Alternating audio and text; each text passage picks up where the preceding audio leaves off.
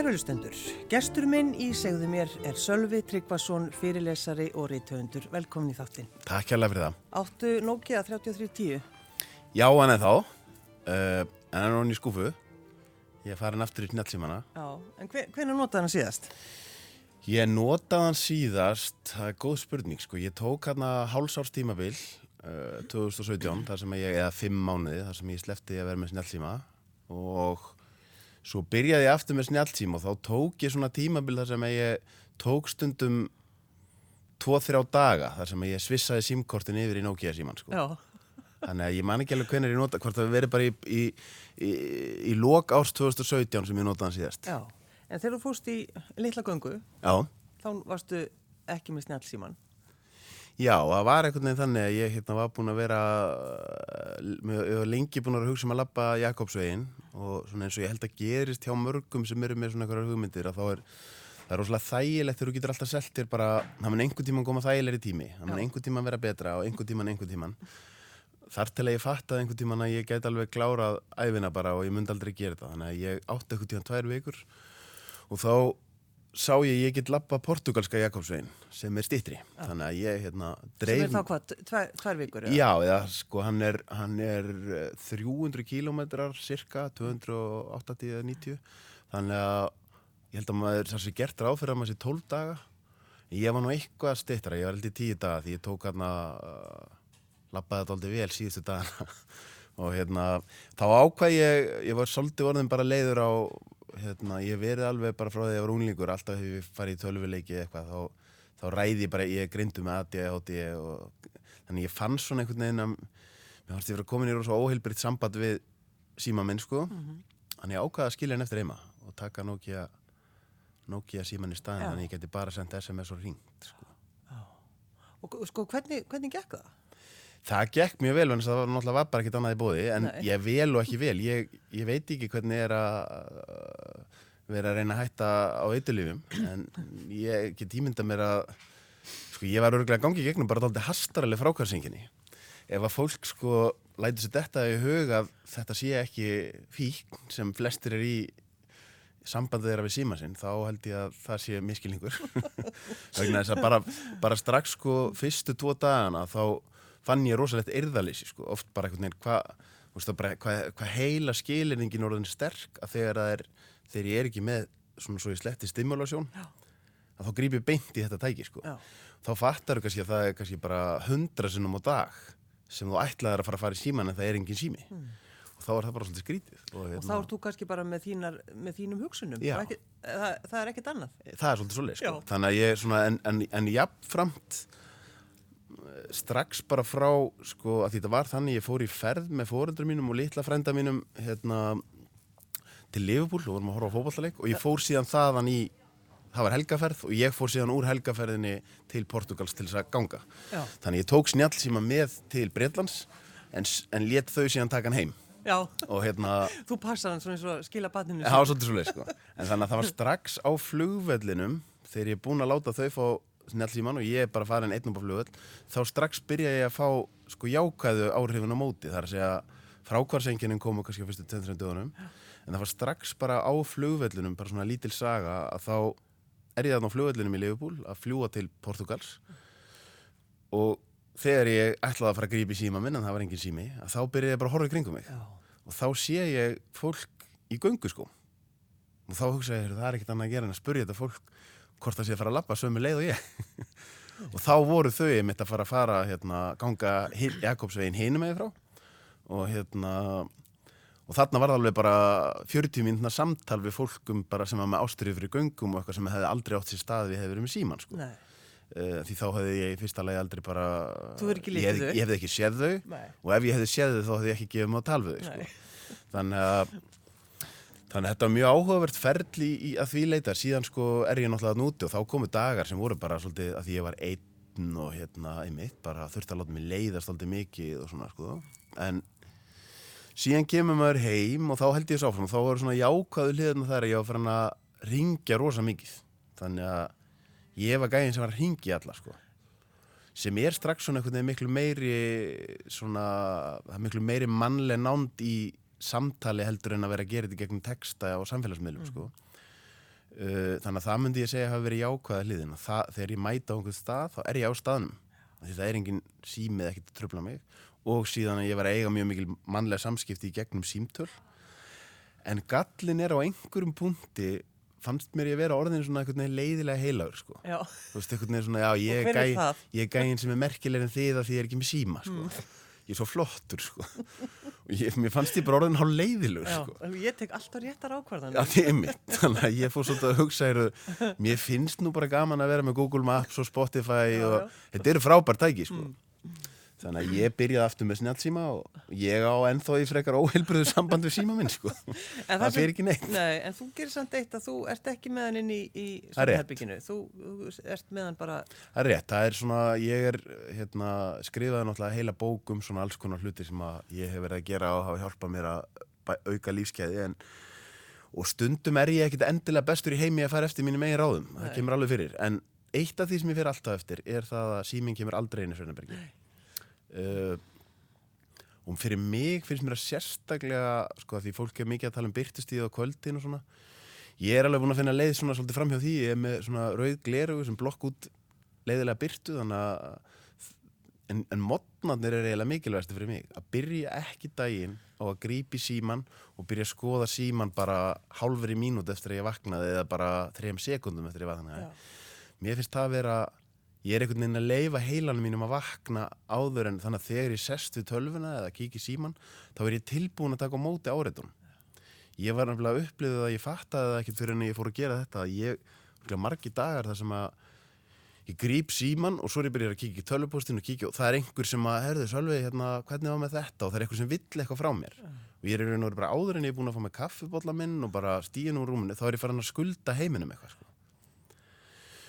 og ég þekki mikið af fólki sem hefur búið að lesa bókina mína og hefur tekið þetta ráð sér til fyrirmyndar og ég fengi mikið að skilabóðum frá fólki sem hefur sagt mér að þetta hafi gert bara mikið gæfum mun að þó sé ekki nema bara hálftími sko. já, já, nákvæmlega. að byrja bara morgunin á að þú veist, ef maður er með börn eða maka að knúsa þau og spjalla þeins og busta tennur, hella upp á kaffi eða hvað það er sem fólk gerir, jafnvel lesa blöðin þó að það geti alveg verið svona þú veist, einhverjar sensational fréttir að þá er það bara öðruvís að þú ert ekki að taka þér í gegnum skjá sko. Það er allt annað. það er allt annað En hvernig er það, Sölvi Tryggvason? Hlusta með- útvarfið, Já, hlusta út af hlusta á silfið en sko, ertu alltaf með einhverja svona drauma í maganum? já og nei, Hva, hvernig drauma minn er Ég veit ekki, bara alls konar. Þú varst til dæmis með þann drauma að, að skrifa bók.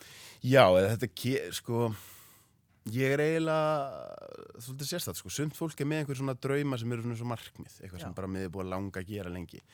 Hjá mér er það meira þannig að ég kannski geri hluti eins og það að ég fer í ferðalög og eitthvað svona sem að lætu mig fá hugmyndir og svo er bara hvað, mér stert hvað hugmyndirna kalla á mig. Það kemur fyrir að ég fæ hugmyndir sem er einhvern veginn þannig að það er eitthvað sem segir mér að þetta er bara eitthvað sem ég verð að gera Já. og ég get tekið tvö dæmi núna nýlega hérna það er 2015 þá 2014 fyrir ekki þá er ég að horfa á HM í fótbolta.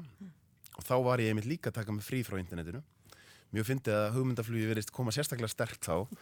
Ég var að taka mig viku frí frá internetinu þá. Ég var í, var í hérna, fríi, ferðalagi. Og er að horfa á HM í fótbolta. Og þá er eh, landsleikur í HM 2014 þar sem að Costa Rica er að spila. Og Costa Rica var þá komið í 16 löguslitt og það var, var heill umræðu þáttur um hvað það væri ótrúlega merkilegt að svona fámenn þjóð væri komin á HM fyrsta lagi bara komin á HM og hún væri að gera svona góða hluta á HM Costa Rica er held ég fimm sinnum fjölmennar en Ísland og á þeim tíma var Ísland hafði komist í umspil þannig að þeir voru einum leik frá því að komast á HM og ég sagði bara, "Vá, ef það er merkilegt að Costa Rica sé á HM þá lítur það að miklu merkilegur ef Ísland kemist á HM og þeir voru í alvörinni bara mjög nála því. Þannig að þarna kvikna bara þessu hugmynd heyrðu, það hefur enginn gert heimildamindum fótballtalansliðið og þeir eru góðið núna, það er eitthvað, gæti eitthvað verið að gerast þannig að ég bara tek fund, fæ fund með heimi Hallgrímsson og Lars Lagerbakk þegar ég kem heim og það fer að langt ferli í bara að fá þá til að samþykja þetta og síðan bara er ég tvö ára að fylgja liðin á leiðin á þeirra fyrsta stormót sko. og það var eitthvað sem Já, þetta er bara einhver hugmynd. Já, því eftir á að higgja er svo uh, það er svo auðvelt að segja já, þetta var nú frábær hugmynd, það er svo auðvelt að vera vitur eftir á en byrju, ég hef aldrei gert neitt tengt íþróttum aldrei. Nei. Uh, liðið hafði ekki komist á neitt stórmót. Þannig að í raun og veru er allt óæðilegt við að ég hafi farið að ákveða eða tímanum minni með þetta verkefni. Já. Það er eiginlega bara, ég kalla þetta bara einhvers konar innsæði, sko. Og, og það sama með þessa bók sem ég er að skrifa, það er ekki, hérna, það var engin formúla fyrir því, nú er þessi bók búin að ganga gríðarlega vel. Ég hef búin að seljast í fjögur 1500 eintökum held ég og ég er búin að halda 200 fyrirlestra og, en það var engin, það var engin lógík fyrir því að þetta ætti að ganga svona vel en það var eitthvað sem sagði mig bara hér er eitthvað sem að ég var búin að ganga með það í maganum daldi lengi að mér langaði að svona miðla ákveðnum hlutum úr mínu lífa því ég held ég geti gert gagn bara með því að tala um að ég hefði glimt við kvíða og glimt við erfiðleika því að það stendur ekki endilega á ennin á mér Nei. þannig ég hugsaði ok, ef að ég, er búin að vera svona ofinber persóna og veist, margir haldur að ég sé bara alveg með þetta og eitthvað þannig þannig ég held ég geti gert mikið gagn með því að þessu en það hefði verið miklu lógiskar að deila því bara í einhverju blaðaviðtali. Og í raun og veru var það aftur að það var bara, ég var búin að ganga með þetta í maganum í langan tíma. Það var eitthvað sem saði mér ég ætti að býða með að fara í þetta viðtal. Þar til ég er á göngunni þarna á Jakobsveginum þá rennur þetta allt inn upp fyrir mig að þú ert bara búin að vera að eyða svona mikill orku í að vera að reyna að ná þér í betra stand. Þú ert búin að lesa fleiri bækur um heilsu heldur en þú last í öllu háskólanámanuðinu þú miðlar þessu þetta svona þú miðlar þessu með því að segja söguna þína en þú miðlar í leiðinu öllum ráðunum sem þú hefur lært Já, já. og eftir á er voðalega auðvelt að segja já, þetta meika fullkomin sens en, en þú veist þú, maður sest ekkert niður á einhverjum venjulegum mánudegi og fær svona frábæra þetta er eitthvað svona insights flash sem að kemur sko. En hvernig, sko, varstu orðin, varstu mjög veikur, Sölvi, á kvíða? já, ég myndi segja það Já. en það er bara spurningum sko, þannig að það er uh, ég myndi segja að þetta væri svona þessi tveir tveir pólar þar að segja einn aðili getur verið minna veikur og minna funkarandi ég var kannski mjög mikið funkarandi með hvað ég var veikur sko. af því að ég er alveg uh, það er rosalega rosalega segla í mér sko. ég gefst mjög seint upp og ég hérna þannig ég held ég hafa alveg á tímabili það er alveg svona þegar ég var að fara yfir það þá er alveg svona lígilegt hvað ég djöflaðist lengi áfram miða við hvað ég- var á furðulega stað sko.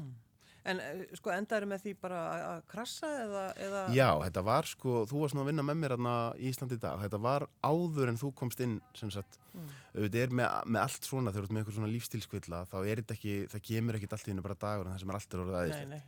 Þetta eru tvö skrif áfram og eitt aftur og bak. Og ég í raun og veru sé það bara sem endalust ferli, af því að í raun og veru finnst mér lífsgæðið mín vera mun meiri núna en þau voru nokkuð tíman áður en ég krassaði. En samt er taugakerfið mitt samt kannski viðkvæmara sko. uh, en já, ég krassaði í raun og veru hausti 2007 það er þá sem að svona, sem að ég bara er komin á þann stað að bara líkamlega einkennin voru orðin það leiðileg. Þetta er eiginlega bara svolítið það sem er kalla burnout eða kulnun þó að það sé svona kannski svolítið ofnotað orð þannig að líkamlegu einkennin voru svolítið það sem stoppaði mig þar að segja ég held alveg áfram að taka viðtöl þó ég var í miðju kvíðakasti sko. Já, já. ég var ekkert að en þegar ég var farin að fá svimaköst og farin að sjá tvöfalt þá var svona, jú ok, á einhverjum punkti verður maður bara segir þetta er, að. orðið gott sko. Já.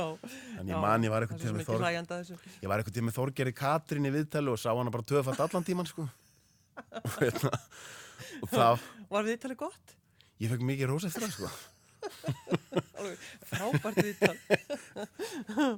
en eh, Sölvi, sko, þessi bók á eigin skinni, já eh, er hún sko mjög persónuleg? Já, hún er, sko ég myndi segja að hún er fyrstu svona þrýr, fjóri, þrýr fjóri kaplanir sem eru kannski svona 20% af bókinni eru bara mjög persónleir, 25% það er svona mættalega segja að vera svona ég ætla ekki að segja æfisaga en svona uh, og svo reynir ég að setja inn persónulega sögur inn í hvert kapla þar að segja ég er kannski að tala um, um hérna kuldaþerapíu og þá seti ég einhverja sögur af mér þegar ég var að byrja að brölda að fara í kuldupattana eða lappa eitthvað, berðasaður upp á esju eða eitthvað álíka sko, hérna. þannig að ég reyndi að hafa persónulegt töts í hennar því það sem að mér fannst ofta vanta þegar ég var að lesa heilsubækur að mér fannst það oft vera svo rosalega þurrar sko. Já, einmitt. Já. En hvað er það besta, sko, eins og þú segir sjálfur, Sölvi, að, að þú, þú farir ekki alltaf eftir því sem Mhm. þú hérna ert að predika. Hvað er það svona sem samt þú heldur alltaf í og, og, og gerir? Ég myndi segja að það hjá mér væri reyfingin. Uh, að því að mitt reyfing og æfing er ekki sami hluturinn, sko. Veist, til dæmis eins og núna eftir að þetta dótall byrjaði sem við erum að gangi gegnum núna, ég er ekkert búin að vera að æfa mikið undarfærið, en ég er búin að vera rosalega duglur að reyfa mig. já, sem er bara, þú veist, ég, ég er núna að fara yfirleitt tvisasunum á dag í göngutúr og f- núna á sunnudaginn, var rosalega leðilegt veður þá fyrsti dagurinn bara í tvær vikur sem ég fór ekki í göngutúr og ég fann það bara daginn eftir, þá fann ég bara að það komið rosalegt svona, það komið óeirði líkamann á mér sko. og svona, mér er svona, svona slen yfir mér sko. þannig að ég get alveg sagt það að þegar ég var að byrja að fara í viðtölu út af bókinni þá var ég jafnvel að nefna einhverja aðra hluti vegna þess að reyfingin er það svona, hún er orðin það föst hjá mér sem vani að ég er hættur að taka eftir henni ég veit ekki hversu slæman staði ég hefði farið á ef ég hefði ekki ég reyfði mig alltaf nema bara þegar ég var mjög veikur sko. þannig að ég til dæmis fór aldrei inn á geðdeild, ég fór aldrei inn á heilsustofnun en ég hugsa að ég hefði alveg geta þurft bara að leita mig miklu meiri aðstóðar ef ég hefði ekki verið að reyfa mig. Þannig að það myndi ég segja að vera bara stærsta verkfæri mitt, nummer 1, 2 og 3, sko. Hvernig fyrirlesar ertu? Eða Hvernig finnst þér þú, já, vera? Frábær. Frábær. Nei, nei, ég myndi segja, ég myndi segja að ef ég skipti því tvent, að annars vegar ertu með, og svo held ég svona þeir sem eru kannski halda fyrirlestra, og þetta gildir svo sem líka eins og bara þurfast að taka viðtöl eða hvað svo sem er, að það er annars vegar þetta að vera mjög vel undirbúin og vera bara, ég er hérna að ákveða hvað ég ætla að segja, ég er að ákveða hvernig ég ætla, þú veist, eða bara hvað ég ætla að spurja, ég er að ákveða hvernig viðtalið ætla að fara. Það er annar pótlinn og hinn pótlinn er síðan spontaniteti, sko, sem er, ég er hérna með hóp fyrir fram að mig, þetta getur bara, það getur eitthvað gerst. Það er manneski hérna sem er að spurja um eitthvað allt annað en það sem ég ætlaði að tala um. Eða ég finn bara það er, ég myndi segja að ég væri, sumir þurfa að æfa sig í spontanitetinu, ég þarf að æfa í hinnu mér hættir til að vera ef ég er að fara að taka viðtal við mannesku þá er ég, þá er ég mjög mikið þannig að ég get setið fyrir framannina og viðtali getur farið allar áttir af því ég er bara að hlusta á hvað hún er að segja og ég spyr bara út frá því hvað hún er að tala um. Þannig að ég geti verið með einhvern viðtali þar sem ég ætlaði að fara að tala um stjórnmál og við verum bara farin að tala um hérna badnaðuppeldi Já. eða eitthvað, skilur þannig ég svona og ég einmitt, var að, það var manneska sem kom til þess að taka myndir fyrir mig á einu fyrirlestri því mér langaði bara að búa til markasefni og hún hefði mitt gaf mér mjög eh, svona reynskilið eh, feedback og svo ég sletti og hérna sem ég kunni mikið um þetta og sagði hérna sko það góða við fyrirlesturinn það er er að þú helst aðtiglinu minni það vel að ég glimti því að ég var að taka myndir. En ég horfa á glæruna þeinar og það er alveg rosalega lélegar. Já, og þá fattaði ég, já, ég er búin að halda hérna 90 fyrirlestra ég gerði þetta glærusjó á 20 mínútum og ég er aldrei búin að fykta í því sko. þannig að þú vegna svakalega einhver, glærusjó. nei nei, svo er ég búin að laga aðeins en þá fattaði ég, ég er eiginlega meiri sér að því að ég vil einmitt að því að ég er spontant og ég er líka að reyna að læra hvað virkar og hvað virkar ekki þannig að ég, ég er alls ekki að halda sama fyrirlestur en aftur og aftur, Nei. ég er alltaf að breyta honum og þá fattaði ég mitt, ég er eiginlega farin að fólkið sko er að horfa á einhverja glærur hérna og ég er að tala um eitthvað allt annað. En þegar þú sko, skrifaður bókina, Sölvi, þá, þá hugsaður kom þessar Eva sendarættir sem eru alltaf, Jú, jú, sem er alveg grípur, fegin sendi. jú, jú. Það, var þessi setning, þá engin eftir að lesa þessa bók. Sem ég held að sé bara mjög klassíst sko. Kannski, ég meni ég held að Arnaldi hljótu nú að vera að fara að líða þannig að fólk muni nenn að lesa bókinans, allavega hana einhverjum, Jú, jú. en veist, þetta var fyrsta bóki mín í, í þó nokkur ár og fyrsta skipti sem ég var að skrifa eitthvað svona persónlega frá mér að því ég mest verið að skrifa æfisugur Já, já. og það var bara rosa oft sem ég hugsaði mitt bara, þú veist, akkur er ég að skrifa þetta hvað, hérna, hvað þvæla er þetta sko? Já. og ég sé ferlið svolítið þannig sko, að þú hérna, núna er ég að fara að skrifa aðra bók til dæmis og þá veit ég hvernig ferlið er það er þannig að ef ég, ef ég ætla að láta fullkomnar áráttun að stoppa mig þá er rosalega líklegt að þetta muni bara ekkert gerast á næstu tíu árum sko. en ef ég segi, heyrðu, ég tek bara ákvörðun. Og ákvörðunin er svo að þegar ég byrja að skrifa, þá skrifa ég eina blasi á dag. Já, ég er enda miða stundum við tvær en svona ein til tvær. Og ef að ég get sagt að kvöldi ég skrifaði eina blasiðu þá er það bara góðu dagur. Já. alveg saman hvað blasið var léleg. Þannig að ferlið hjá mér er þó oft þannig að ég byrja að skrifa og þetta er ekki þannig að maður setist niður með einhvern reytöfunda innblástur þegar maður er að byrja, bara alls ekki. Þannig að maður byrjar að skrifa og manni finnst þetta yfirleitt lélegt. En ég skrifaði. Degi tvö, aftur lélegt. En ég skrifaði, ég er búin að taka ákvörðunum að skrifa.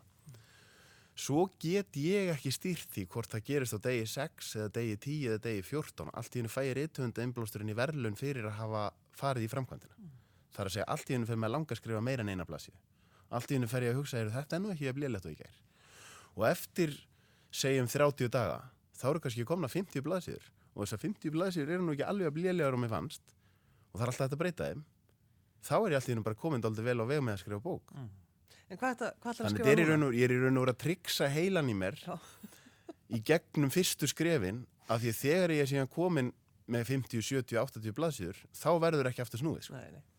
Þá getur ekki Og þetta bakað. er, er svolítið eins og manneskja ég, ég get alveg yfirfært þetta yfir og bara ef að manneskja vil fara að byrja að reyfa sig hún er ekkert búin að reyfa sig bara tryggsaðu því í að byrja að fara að stað bara næstu viku reyma í tvisrámiskona og labba hérna í tek kortis göngutúr líkunar eru, það mun ekki líða mjög langu tími þar til þið fyrir að langa að lengja göngutúruna úr kortir upp í hálftíma og þið fyrir að langa að taka göngutúrar fleiri en oftar en já. Þetta er eiginlega bara maður er að tryggsa heilan í sér sko. uh, Ég ætla svolítið að skrifa um allt það sem ég komst ekki fyrir í síðustu bók og uh, það sem ég er búin að vera að læra af fyrirlestranum minn þannig að ég er í raun og veru með svolítið svona síðasta bók var dálítið mikið miðuð á líkamlega hlutan þar að segja ég var að tala um hreyfingu næri, ég var að tala um það bara hvað veri svona hvernig líkamlega heilsa gæti síðan haft áhrif á andlega heilsu. Núna langar mér svolítið að fara meira í ég er með háskólanóm í sálfræði eh, ég er búin að lesa aragrúa bókum um bara svona meira svona, við skulum segja meira andlega hluti og bara þú veist, bara hluti eins og bara skipulag uh, hérna, meðvirkni, álit annara, alls konar svona dót sko, sem að já, bara ég held ég sé með aðra bók þar sko er eiginlega nokkuð vissan það já. Þú ert búin að fara í sótkví, eða ekki? Jú, ég fór í hann alveg í blá byrjuninni það er orðið talsvert síðan ég losna úr henni. Já. Hvernig, hvernig gekk það fyrir þig, Sölvi? Það var bara nokkuð fínt sko. Ég hérna, var mest að furða. Ég, Það var eiginlega Ég held þetta sko, því að það náttúrulega er rosalega munur á sótkví og einangrun. Að því að aðalatriði fyrir mann eins og mig er að geta bara það að ég geti fara út, út að reyfa mig, út í göngutúr. Það var bara einhvern veginn þá, þá, eiginlega herti á því ferli. Svo bara ok, ef ég er að fara að halda geðheilsi í þessari sótkví þá verður ég að taka tvo göngutúr á dag sko sem ég gerði. Uh, og svo einmitt stóði ég maður ég var örgla búin að vera bara að jafnaði fjóra-fimm klukkutíma á dag í símtölum sko. Og ég held að margi tengi við það maður bara heyra mikið í fólki og heyri í fólki sem maður ekki heyrt í lengi og Var, ta að tala við fólk. tala við fólk, þannig að það var eiginlega bara mest að förða hvað þetta var fljótt að líða sko. En sko, að því þú ert nú svona þekktur Sölvi fyrir það að, að maður hittir þig yfirleitt á flugvöllum, þá ertu að, að fara eitthvað eða koma, já. Já, sko, þú varst á ferðalagi í rauninni, er það ekki í 15 mánuði? 15 mánuði Já, eða meira. Uh, veist, endalist að fara og koma tilbaka en varst einhvern veginn bara mm, sko, alltaf ég, að ferðast. mm, sko ég er eiginlega þannig að ég hérna ég hef aldrei verið lengur en tvo mánuði einu í útlandum Nei, já, en, en þú, þú komst alltaf heim, þú já, alltaf, þú veist, það voru sko það er náttúrulega ferðalög. er einmitt þetta einhvern veginn, ég hérna mm, mér finnst æðislegt að ferðast og ég er með vinnu þar sem ég get mjög oft unnaðinni gegnum tölu og mér finnst ég oft vera að fá dálítið svona, þú veist, hérna þetta einhvern veginn, bæði fæ ég ferðalagið og síðan þegar ég kem heim þá er allt umhverfið mitt á Íslandi svolítið öðruvísi í smá tíma á eftir þannig að þar líka fæ ég hugmyndir og svona sko þannig að já, ég er alveg öruglega í topp 1% niður þá sem ferðast mest Já, já. En sko, hver, hvert hefur þá farið, bara ef maður segir, hver, hvert hefur farið lengst? ég hef, Frá- sko frá ég okkur. hef uh, í lengst þá í einu E, nei, nei, bara, þú veist, hvert, hvert hefur farið? Þú náttúrulega fætt í Japan já, já, jú, jú, ég hef farið kannski- sko ég farið talsvert til Asíu eða ég farið, farið til Japans, Malasíu uh, Indonésiu, Indlands, Thailands uh, og Miða-Austurlanda Já, og svo í hinn áttina hef ég farið til, ég farið til Mexiko, ég farið til Haiti og, og náttúrulega verið ferðast talsvöldum bandaríkin og og svo hefur við ferðast um alla Evrópu já, já. Eh, hvað er það sem sem stendur, stendur upp úr? Hvað finnst þér skemmtilegast? sko, ég hef komið fimm sinnum til Japan en, en þannig að svolítið erfitt fyrir mig, Japan er ekki lengur nýtt fyrir mér en við hugsaum bara svona fyrstu áhrifin í fyrsta skipti sem ég kom til Japan þá er Japan alveg bara rosalega sérstatt sko. Og hérna og Kyoto er fallegasta borg sem ég hef komið til ennþá. Og, hérna, þannig að ég myndi alltaf mæla með Japan. Beirut í Líbanon ég var mjög hrifin af, af hérna Líbönum og, og bara það er eitthvað bara æðislegur andi í fólkinu og borginni og, og, Og góð kaffehúsin? geggju kaffehús, geggjaði veitingastæðir, frábæð matamenning. Mér er svolítið svona Beirut er svolítið fyrir mig, sko því ég hef komið rosalega oft til Parísar. Sýsti mér býr í París, pappi mér var í námi í París. Mér finnst París mjög skemmtileg borg en hún verður talsvert þétt svona allavega stóra hluta ásins, það er bara mikið af fólki og svona. Þannig að Beirut var fyrir mér að vissanátt það sem ég myndi vilja París væri Já, það er svona það er betra veður aðeins öðruvísi kúltúr og miklu, miklu, miklu minna túristum sko. En sko ferðastu alltaf einn? Nei, alls ekki alltaf sko.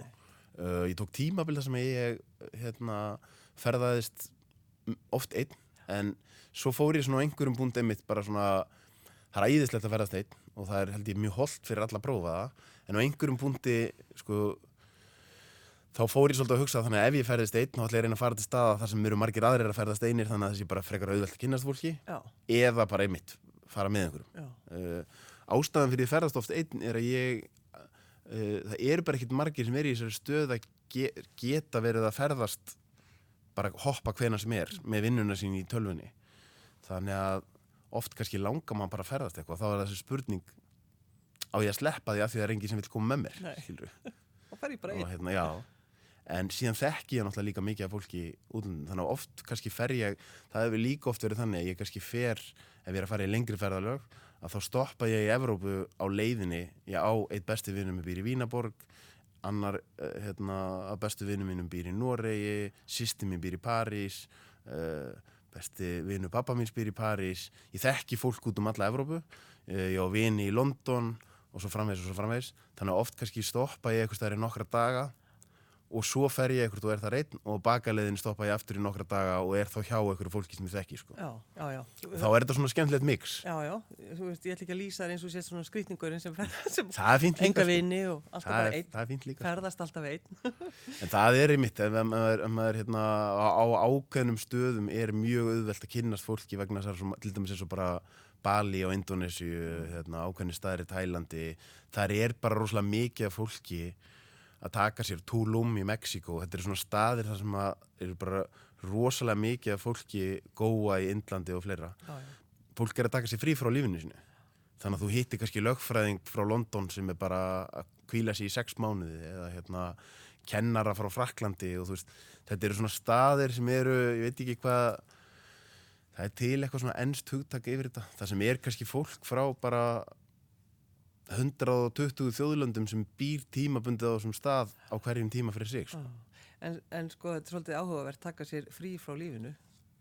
Já, það þarf að segja taka sér þó frí frá vinnulífinu Já, en einmitt. ég er mitt horfi meira á þetta hjá mér þannig að þetta er lífið mitt Já, það er að segja þess vegna ég er löngu hættur að horfa á ferðalög sem eitthvað svona ég er í m- mjög oft er það þannig að þegar ég er að ferðast með vinnuna með mér þá er ég eins og til dæmis ég hefur að skrifa bók þá var það síðasta frí sem ég fór í til að skrifa bók þá skrifaði ég bókinu mann Björgvin Pól hérna handbóltanarflansmann á síðasta ári akkurat. Ég tók stóran hlutaði þar sem ég var í fimm vikur bara að skrifa. Ég hefði miklu frekar, ég tók þá bara þrjá klukkutíma á dag á mótnana þegar ég er einbeitastur og skrifaði hvern einasta morgun alltaf. Mér fannst það það gaman að ég hefði frekar vilja verið að gera það heldur en verið frí. En mér fannst það þá æðislegt að ég segi bara, ég er bara að skrifa þess að þrjá tíma. Þannig að eftir hádegi er ég í frí. Og þá finnst mér þetta fullkomin sambland af því að ég er að nota mótnana í að gera eitthvað sem að mér finnst bæði skemmtilegt en er líka að vinna og ég fæ borga fyrir það á einhverjum búndi sem við erum einhvern veginn mannleg. Það lætur manni líða eins og maður hafi áorkað einhverju. Það lætur manni líða eins og maður er með góða samvisku yfir því að vera hérna í innan gæðsalapa fríi þegar ég ágjafri fríi. En svo fæ ég líka að gera allt hitt sem ég væri að gera ef ég væri frí sko. og ég tel að ef maður svona mjög margir sko geta unni vinnuna sína þannig að ef maður er skipulaður þá getur maður orðið mjög mikið úr verki á fáum klukkutímum þá getur maður gert bísna mikið fyrir utan vinnutíma sko. Já. Ef maður er sjálfstæð starfandi þess að segja Já, en ertu sko, er, ertu með agan þinn alveg, ertu alveg, Nei, nei, ég er ekkit alltaf agaður en ég er bara búin að læra rosalega vel eða þarf að segja, ég er agaður í því að ég er búin að læra rosalega vel inn á sjálfa mig. Já, ég, ég reyni ekki að vera agaður þegar ég veit að það er tilgangslust Já. þannig að ég til dæmis tökum sem dæmi bara þegar ég er í bókaskrifið með einbettingavinnu þá veit ég bara að ef ég fyrir snemma svo á kvöldin uh, sé vel og vakna frekar snemma þá er ég bara gríðarlega einbettur og get gert mjög mikið fram á háti þannig að þá tek ég tíman frá segjum 8-9 á mótnana til 12 á hátegi mjög hátílan það er bara vinnudagurinn minn. Og ég er líka að reyna að stilla því þannig upp yfir Íslandi að alltaf þegar fólk er að byggja mig um að taka fundi eða eitthvað það er nánast undantenning ef ég gera það fyrir hátegi vegna þess að ég færi alla þannig vinnu ef ég er að senda eitthvað tölvupósta eða hérna, taka fundi, það er eitthvað sem ég get gert þegar ég er ekkert sérstaklega einbetur ertu, ég get gert það eftir hátegi já, ertu, að hugleiða? Uh, ég tek, tek það í skorpum. Ég, hérna, og svettið, er ekki, er það er svolítið langt síðan ég svettaði núna sko. Ég hérna, ætlaði að fara í svett núna bara eh, svo oft farið með hann að tolla. Já.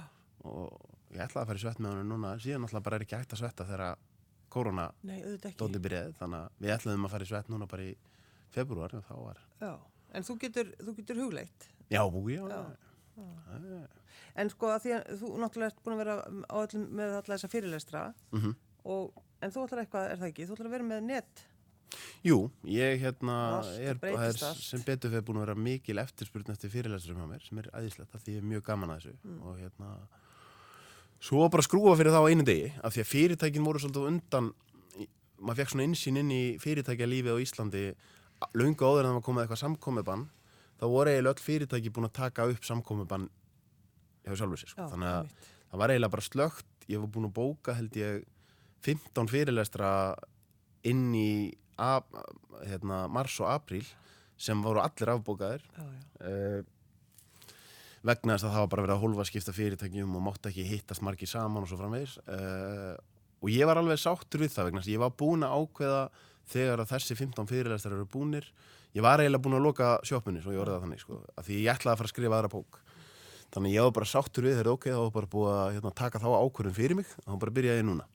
Uh, en svo fór ég hérna heimsótt til sýstu mína og til Parísar og, og Frakland sett á hérna, hættulandahóp daginn sem ég kem heim þannig að þá þurfti ég að fara í sóttkví. Svo var það einhvern veginn, ég er óvanur í að vinna heima á mér þannig að mér var ekkert mikið úr verki. Og svo allt í einu bara núna í síðustu viku byrjar bara aftur eftirspurn eftir fyrirlesturum í gegnum neti þá er einhvern veginn eins og fólk sé aðeins búið að setjast inn í þetta ástand. Það er allir búin að venjast við að vera að taka fundi í gegnum netið á vinnustöðunum í gegnum til dæmis forrið eins og Zoom eða Teams.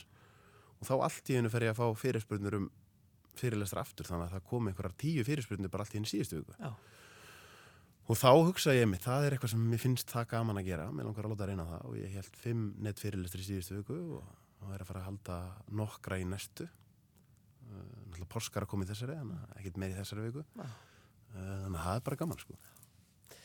Sölvi Tryggvason, fyrirlesari og reythundur, takk fyrir að koma. Takk sem við leys